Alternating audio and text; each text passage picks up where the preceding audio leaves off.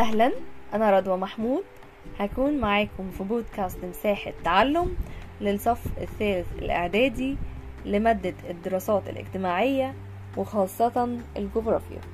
هنتكلم النهاردة مع بعض في الدرس الثالث في الوحدة الأولى وهو النشاط التعديني في العالم. في الدرس ده هنتعرف على حاجتين أولهم إيه هي الموارد المعدنية؟ تاني حاجة هنتعرف على مصادر الطاقة أو القوى المحركة. تعالوا نعرف مع بعض الأول يعني إيه نشاط تعديني. النشاط التعديني ده هو عملية استخراج المعادن. هو باين من اسمه شوية إن هو في معادن. فإحنا هنستخرج المعادن دي ومصادر الطاقة زي الفحم والبترول والغاز الطبيعي بنستخرجهم من باطن القشرة الأرضية أو بالقرب من السطح. يبقى التعدين هو عملية استخراج المعادن ومصادر الطاقة من فحم وبترول وغاز طبيعي من باطن القشرة الأرضية أو بالقرب من السطح. والنشاط التعديني ده بيرتبط بوجود الخام سواء كان المعادن أو مصادر الطاقة وبيكون موجود بكميات كبيرة ووفيرة.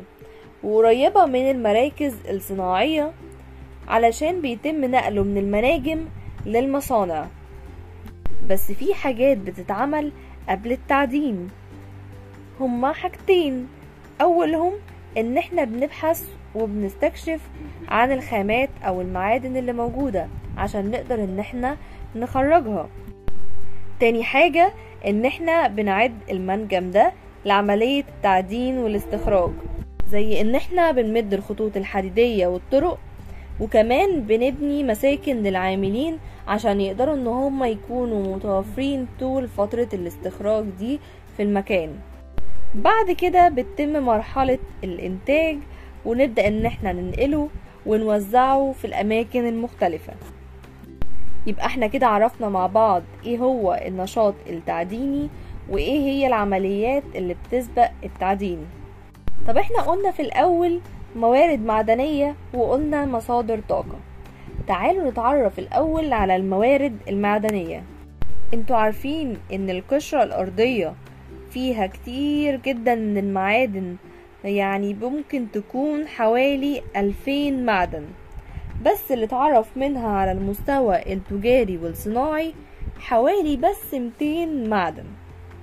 وإحنا عارفين إن الدول المتقدمة بتستخدم حوالي أو بتستهلك حوالي خمسة وتمانين في المية من معادن العالم على الرغم من إن هي فيها خمس سكان العالم. بس ده بسبب إن هي فيها صناعات مختلفة بتقوم على المعادن دي. تعالوا نعرف مع بعض إيه هي أهم المعادن اللي موجودة في العالم. معانا سبع معادن بيعتبروا من أهم المعادن اللي موجودة في العالم. الحديد والنحاس والبوكسايت اللي هو خام الألمنيوم والمنجنيز والفوسفات والذهب واليورانيوم. في الدرس ده هنتعرف على الحديد والنحاس والبوكسايت بتعمق أكتر وبتفصيل أكتر. تعالوا نتعرف على أول حاجة فيهم وهو الحديد. هنعرف مع بعض إيه هي أهميته وإيه أهم الدول المنتجة للحديد. الحديد بيعتبر من أهم المعادن المستخدمة في الصناعات زي مثلا صناعة الحديد والصلب. أهم الدول المنتجة ليه الحديد بيكون موجود في جميع قارات العالم بس الصين بتعد من أولى دول العالم انتاجا ليه. وتاني دول العالم انتاجا للحديد هي دولة أستراليا. والحديد بيدخل في حوالي 30% من الإنتاج العالمي في التجارة الدولية. فبنلاقي إن الدول النامية زي مثلا موريتانيا بتصدر خام الحديد للدول الصناعية المتقدمة زي مثلا اليابان وبريطانيا. وبكده بنلاقي إن الحديد بيدخل في الإنتاج العالمي في التجارة الدولية. تاني معدن معانا وهو النحاس. هنلاقي في البيت بتاعنا أسلاك كتير وأدوات كهربائية. النحاس بيستخدم في الكثير من الصناعات زي الأسلاك والأدوات الكهربائية.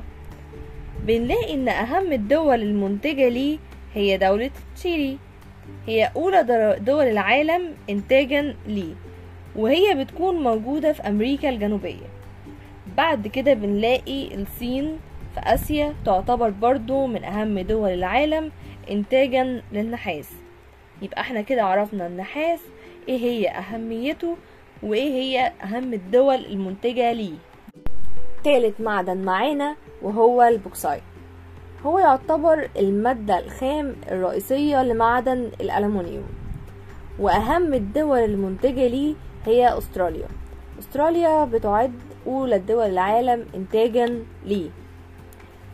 وعلشان نحول البوكسايت إلى ألمنيوم ده بيتطلب عدة مقومات وحاجات لازم نعملها. أول حاجة معانا إن يكون في وفرة للطاقة الكهربائية. تاني حاجة إن طبعا لازم يكون في ناس عندهم خبرة علمية. فتاني حاجة هي خبرة علمية وفنية متطورة وحديثة. تالت حاجة علشان نحوله فلازم يكون في سوق محلية وخارجية يعني موجودة داخل الدولة وخارجها بتستوعب الإنتاج ده. ده طبعا بيكلف حاجات كتير. فعلشان مفيش المقومات دي في الدول النامية فإحنا بنصدرها للدول المتقدمة. علشان هي تبدأ تعمل كل مراحل التحويل دي. وأهم الدول اللي بتصنع ألمنيوم هي الولايات المتحدة الأمريكية بتعتبر أولى دول العالم إنتاجا للألمنيوم على الرغم من قلة إنتاجها ليه. هي بتكون عندها البوكسايت قليل فبتبدأ إن هي تاخده من الدول وتبدأ إن هي تصنعه. واستيرادها ليه بيكون من الخارج من كندا واستراليا ومن اليابان. وبكده يبقى إحنا اتعرفنا في الجزء الأول عن النشاط التعديني وعن عمليات اللي بتسبق التعدين وكمان عرفنا إيه هي الموارد المعدنية وعرفنا بعض أنواعها وعرفنا منها ثلاث أنواع بالتفصيل زي الحديد والنحاس وخام الألمنيوم في الجزء التاني هنبدأ نتعرف على مصادر الطاقة.